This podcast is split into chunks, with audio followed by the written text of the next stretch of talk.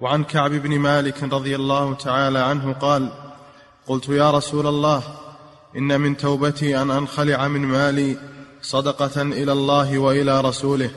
فقال رسول الله صلى الله عليه وسلم أمسك عليك بعض مالك فهو خير لك. هذا كعب بن مالك رضي الله عنه أحد الثلاثة الذين خلفوا عن غزوة تبوك من غير عذر ولا نفاق. ما ما خلفهم النفاق كالمنافقين لأنهم صادقوا الإيمان وليس لهم عذر من ناحية المال أو البدن فهم أقوياء ويقدرون. إنما تخلفوا من باب التثاقل وتكاسل تخلفوا من غير عذر فصار ذلك ذنبا عظيما.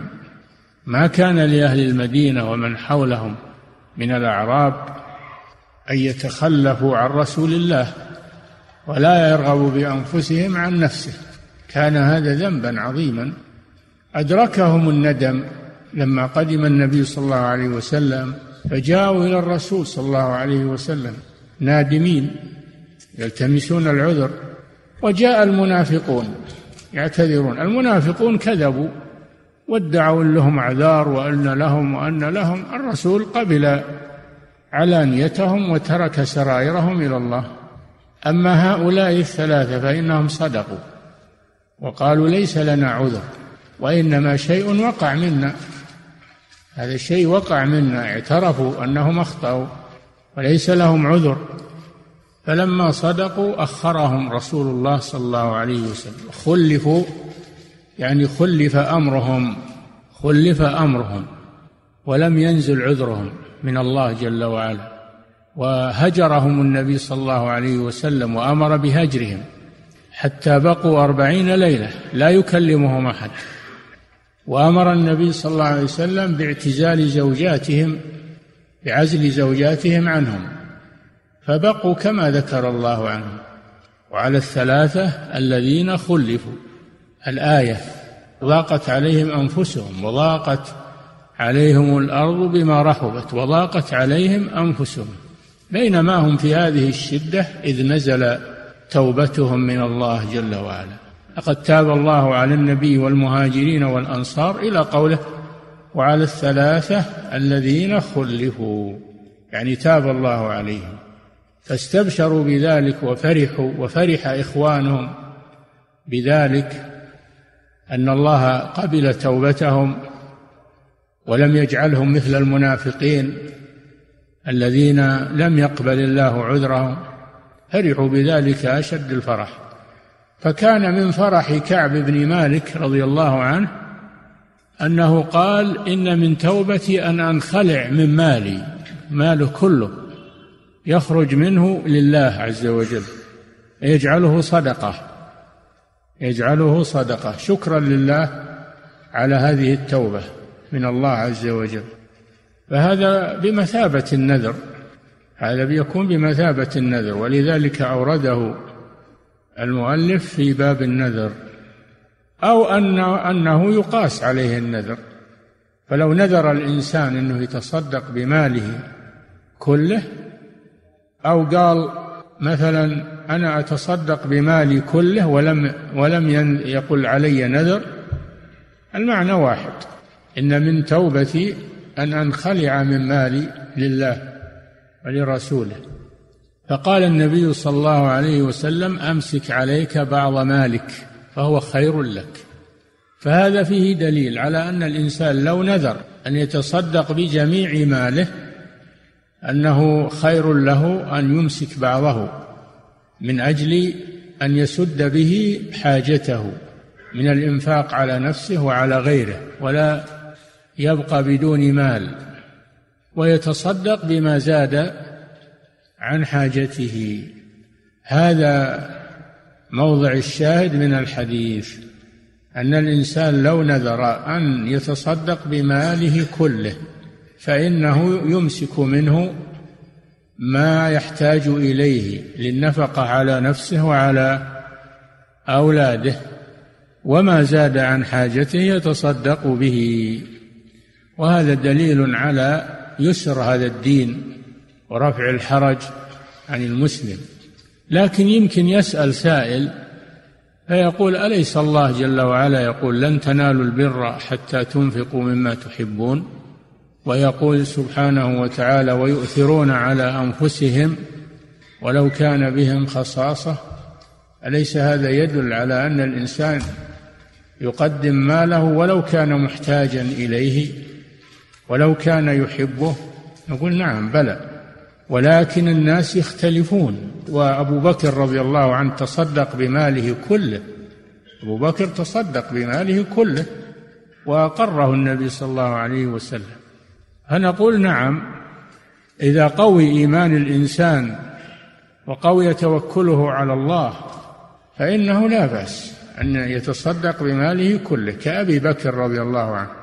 أما إذا لم يصل إلى هذه الدرجة ويخشى أنه إذا احتاج يخشى أنه يتألم أو يتحرج فهذا يبقي من ماله ما يدفع به حاجته.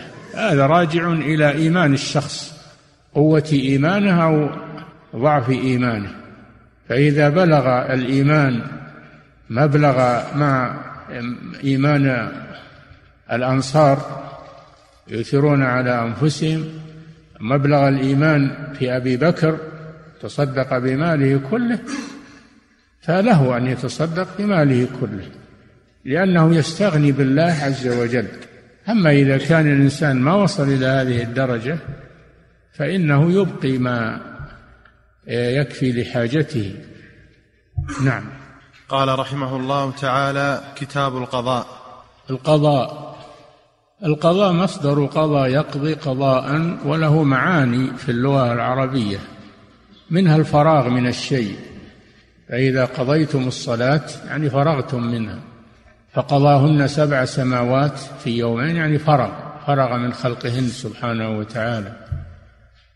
القضاء يراد به الفراغ ويراد به قضاء الفايت قضاء الشيء الفايت. إذا فاتت العبادة فإنك تقضيها.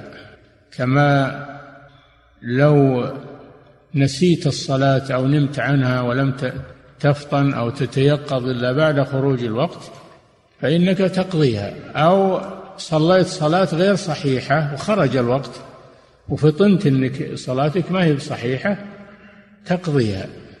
بمعنى تعيد الصلاة.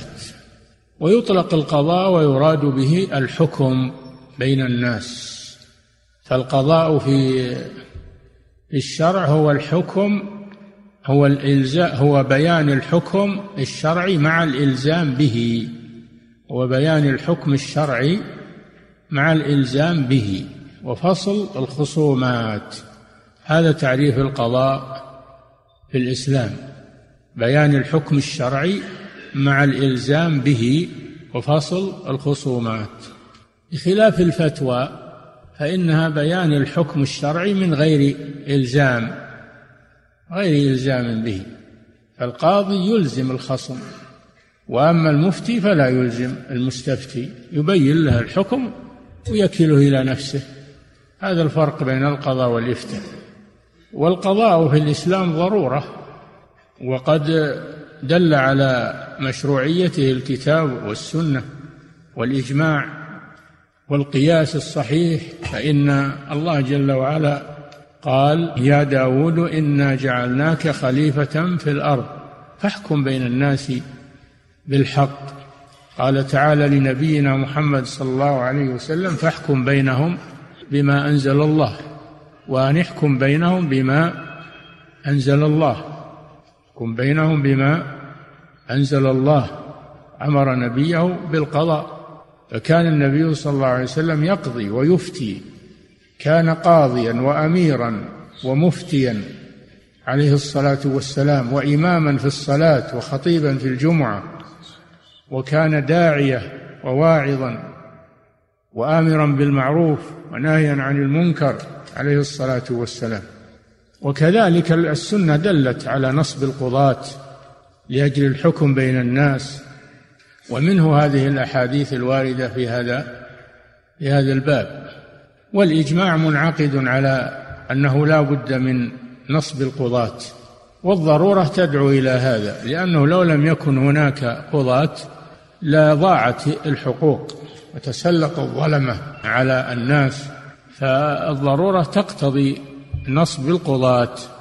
وقد بعث النبي صلى الله عليه وسلم معاذا إلى اليمن قاضيا ومعلما وبعث عليا رضي الله عنه قاضيا. فكان صلى الله عليه وسلم يبعث القضاة والخلفاء من بعده كانوا يبعثون القضاة وينصبون.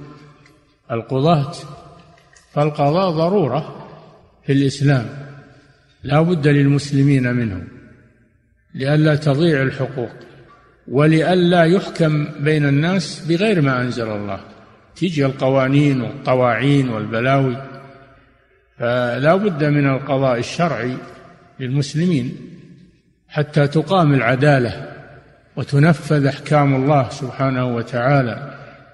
فالقضاء أمر ضروري للأمة لا بد منه.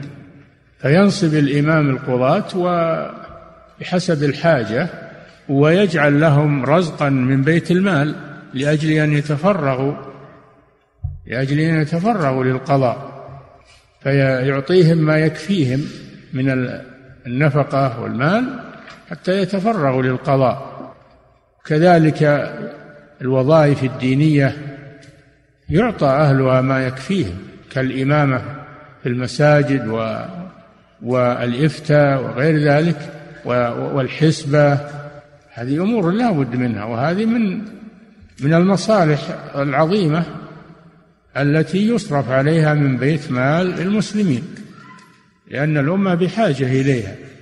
الشاهد معنا القضاء أنه أمر ضروري ولا بد منه أحسن الله إليكم. سماحة الوالد يقول السائل هل يشترط للنذر لفظ معين كأن يقول لله علي نذر أو نذرت أن أفعل كذا؟ إذا قال لله علي فهذا نذر أو قال نذرت أن أفعل كذا هذا نذر. نعم. ألا النذر هو الالتزام وكل لفظ يدل على الالتزام فهو نذر. نعم.